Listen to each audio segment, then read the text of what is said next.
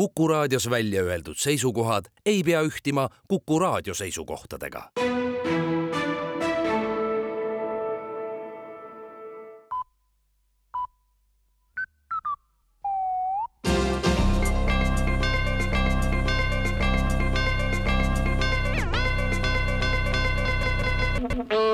uudised on eetris ja stuudios Rohke Debelak Reformierakond annab alandlikult teada, et erakonna uuendatud kuvandi elluviimisega on hoogsalt algust tehtud, kuid ette on tulnud ka takistusi. uus strateegia näeb ette muuhulgas ka mõnede tehtud vigade tunnistamist. nädal kestnud otsingute järel aga ei ole erakond siiani leidnud ühtegi viga, mida tunnistada. kõik, mis tehtud, on siiani õnnestunud ja lihtsalt teised ei ole sellest aru saanud. Reformierakond tunnistaks hea meelega mõnda viga, aga mida ei ole, seda ei ole. hetkel kaalutaksegi teiste erakondade poolt tehtud vigade tunnistamist, sest neid on laias igas valikus ja igale maitsele ja kuni enda vigade tegemiseni võetakse tunnistamiseks kasutusele need haridusministeerium annab teada, et on välja töötamas koolibusside süsteemi, mis annab hariduskorralduses oma kuluefektiivsuse mõttes silmad ette kõikidele sellealastele lahendustele maailmas. maakoolide õpilased peavad niigi üha enam aega veetma bussis kui koolimajad maha müüa, saab osta mugavad bussid, mis on kohaldatud klassiruumideks ja lapsed saavad bussis õppida. Need oleksid liikuvad koolimajad, mis sõidavad maapiirkondades ringi ja läbivad ka selliseid kohti, kus ei ole koolimaja olnud juba sajand või kauemgi. koolibusside marsruut pannakse kokku selliselt, et iga viimanegi Eestimaa nurgake sõidetakse läbi ja nii on kool korra päevas igas väiksemas maakohas. koolipäeva lõpuks toob koolimaja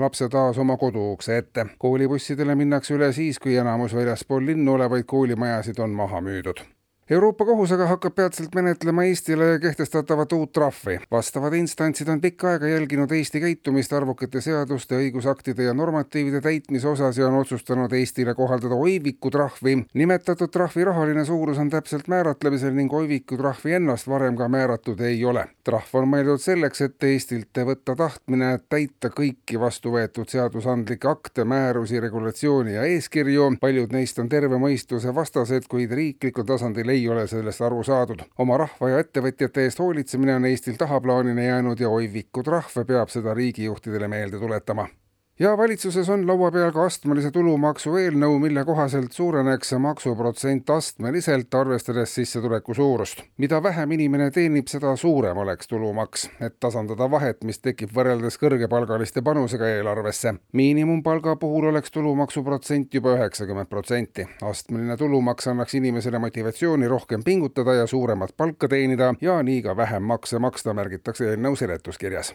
ja majandusest. Brenti toornafta hind on taas tõusuteel ja peamiselt on kallinemine tingitud Eesti tanklakettide järjekordsest hinnatõusust. maailmaturu pressiesindaja sõnul sõltuvad nad Eesti tanklatest ja nende poolt dikteeritud hindadest ja odavamalt nad müüa ei saa. hüppeline hinnatõus põhjustab ebakindlust turgudel, sest keegi ei tea, mida Eesti tanklaketid järgmiseks ette võtavad. eetris olid uudised